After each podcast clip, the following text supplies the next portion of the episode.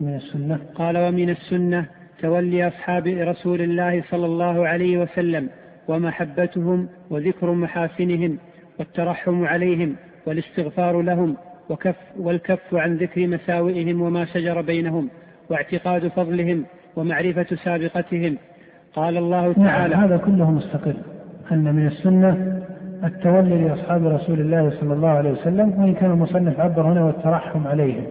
ولو عبر بالترضي لكان أجود فإن الله يقول لقد رضي الله عن المؤمنين ويقول السابقون الأولون من المهاجرين والأنصار والذين اتبعوهم بإحسان رضي الله عنهم. فالذي درج عليه أهل العلم وأهل السنة هو الترضي عن الصحابة. وأما من بعد الصحابة فإنه يترحم عليه. وهذا كله دعاء. فإنه إذا قيل عن صحابي رضي الله عنه فهذا هذا دعاء. وإذا قيل عن إمام من العلم رحمه الله فهذا دعاء وليس خبرا. وهذا ليس من باب الخبر والجزم وإنما هو دعاء. ولذلك هذا هو الذي درج عليه. ومع ذلك فترى أن أنه يقع قدر من التوسع في ذلك. أحيانا يترضى عن من بعد الصحابة هذا لا بأس به. هذا لا بأس به. بل حتى ما هو فوق ذلك وهي الصلاة والسلام. فإنها خاصة برسول الله صلى الله عليه وسلم إذا ما قصد الاضطراد وإلا إذا قيل. هل يجوز أن يصلى على غير النبي صلى الله عليه وسلم؟ فيقال مثلا أبو بكر عليه الصلاة والسلام قيل الجمهور من أهل السنة وهو اختيار شيخ الإسلام ابن تيمية رحمه الله والصحيح في مذهب أحمد أن هذا جائز وإذا قيل إنه جائز ليس معناه أنه لا قبل هذا ليس معناه أنه أنه مشروع فهو ليس بمشروع. ليس بمشروع.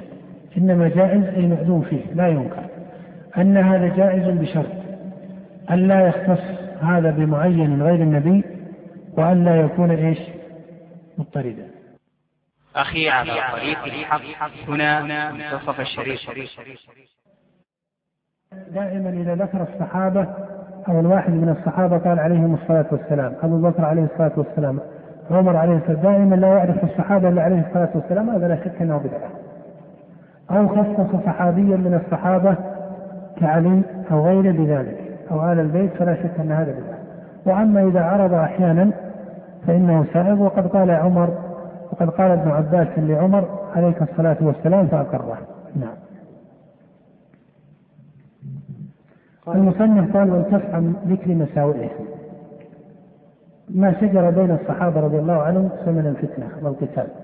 من هدي أهل السنة والجماعة الكف عن ذلك. وقد كان الإمام أحمد رحمه الله يجيب في بعض جواباته إذا سئل عن ذلك قال تلك أمة قد خلت لها ما كسبت ولكم ما كسبتم ولا تسألون عما كانوا يعملون. وهذه قاعدة شريفة يجب على طالب العلم وعلى المسلم بعامة أن يتقلدها وهي من قواعد القرآن. في الحكم بين الناس ومعرفة أحوالهم. فإن الله ما كلف العباد أن يعرف بعضهم إيش؟ حال بعض أو شأن بعض. لا من جهة البر ولا من جهة الإثم والشر والعدوان. ولهذا ترون وسبق الإشارة إلى ذلك أن المنافقين ما كان الصحابة في الجملة على معرفة بتفاصيل أحوالهم وحتى ظاهر القرآن أن أن النبي نفسه لم يعلم جميع المنافقين من حوله وفي زمنه.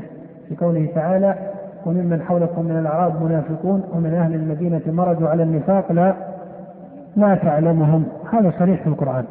فإذا ما يقصد إليه البعض من التتبع لأعيان الناس في الشرق والغرب وفي اليسير والقليل من الكلام ويأخذ الكلام المجمل فيجعله مفصلا ويقول إنه كسب كذا وكذا وهذا أصله من كذا وكذا ويفرع تفريعات ويرمي الناس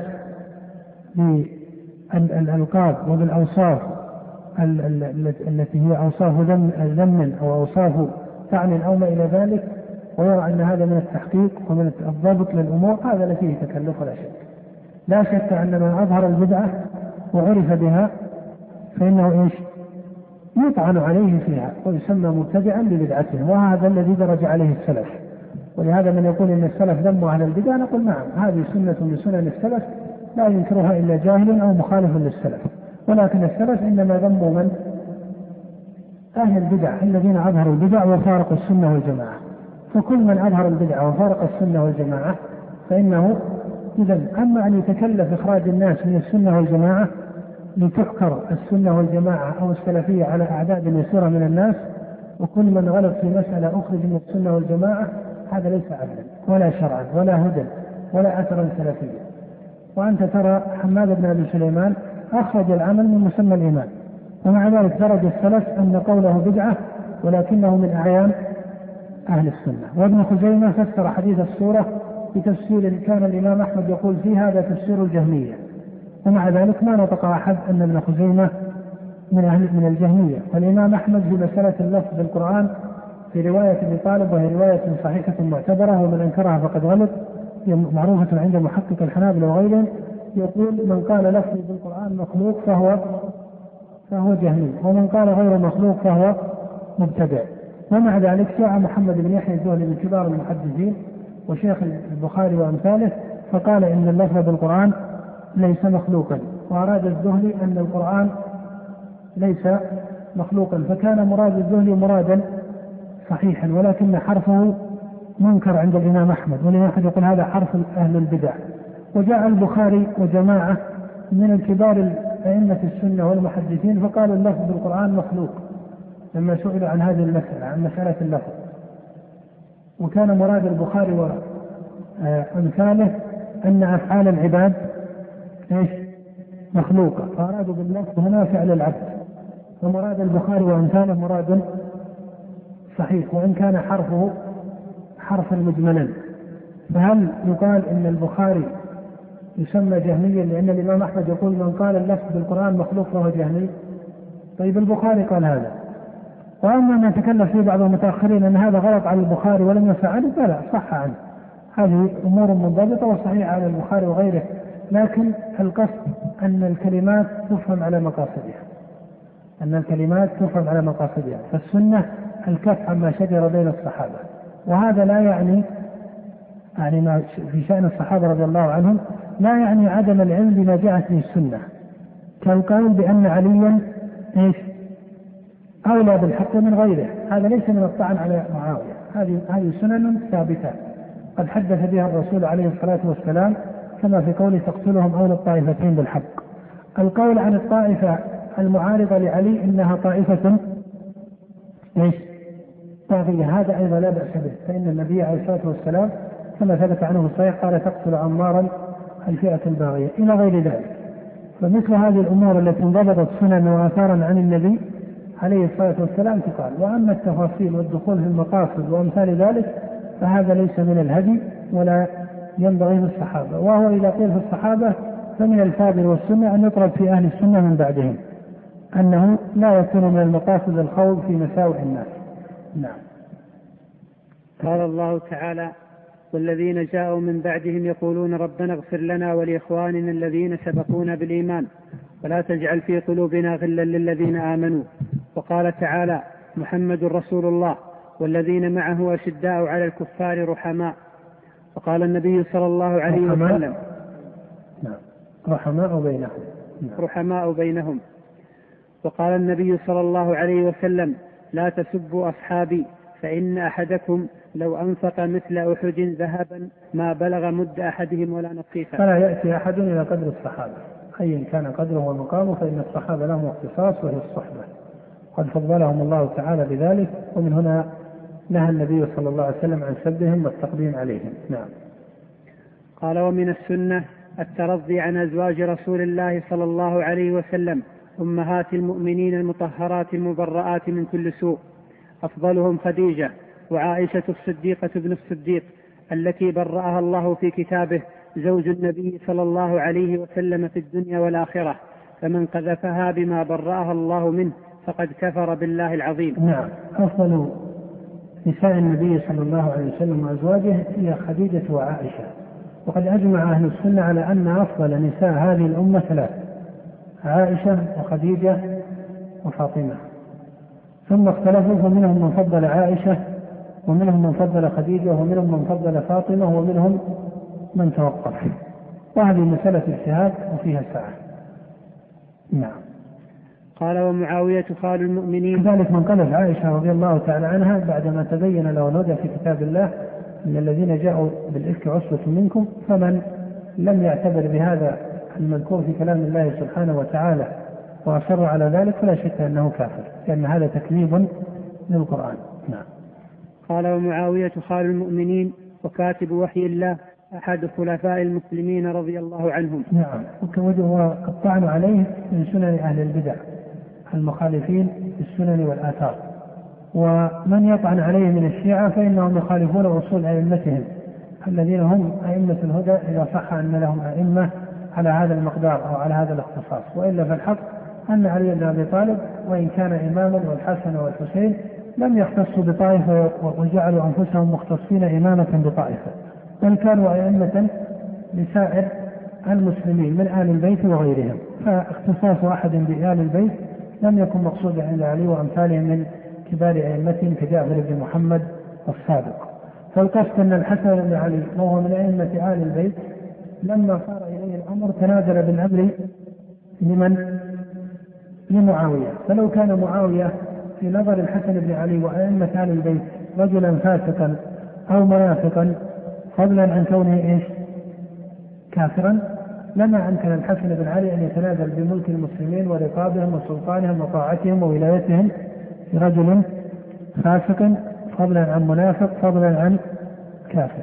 وأما ما يعتذر به بعض الشيعة من أن هذا من التقيه عند الحسن فهذه فسفطه ماذا بقي من الأمر؟ إذا كان يترك المسألة من باب التقيه وأما إذا قيل إنه كان عاجزا فهذا يرد الواقع التاريخي. فإنه في صحيح البخاري وغيره من حديث عبد الرحمن بن حسن أن علي بن أن الحسن بن علي استقبل معاوية بكتائب أمثال الجبال. قال استقبل الحسن بن علي معاوية بكتائب أمثال الجبال. فلما بلغ معاوية وحرضه بعض أهل الشام على المواجهة قال معاوية إذا قتل هؤلاء هؤلاء من لي بضعفة المسلمين من لي بنسائهم من لي بضررهم إلى آخره. فكان معاوية رفيقا والحسن رضي الله تعالى عنه أيضا رفيقا حتى حصل الصلح فإذا تنازل تنازل الحسن بن علي دليل على أنه يرى أن معاوية رجل صالح فاضل بريء من الفسق فضلا عن إيش؟ عن الكفر والنفاق. ومن طعن في الحسن بن علي فهذا مقام آخر. نعم. قال ومن السنة السمع والطاعة لأئمة المسلمين وأمراء المؤمنين برهم وفاجرهم ما لم يأمروا بمعصية فإنه لا طاعة لأحد في معصية نعم وهذه من طرق أهل السنة التي درجوا عليها. السمع والطاعة لأمراء المسلمين في المعروف أو بالمعروف. على قوله تعالى يا أيها الذين آمنوا أطيعوا الله وأطيعوا الرسول وأولي الأمر منكم. وهي مقيدة في طاعة الله ورسوله. ولهذا ترى في كتاب الله أن طاعتهم لم تطلق. إن الله قال يا أيها الذين آمنوا أطيعوا الله وأطيعوا الرسول فأعيد العامل الذي هو الفعل. ولما ذكر أولي الأمر قال وأولي الأمر ولم يقل وأطيعوا أولي الأمر. فدل هذا أي عدم ذكر العامل في الثالث دل على أن طاعتهم تابعة لطاعة الله ورسوله.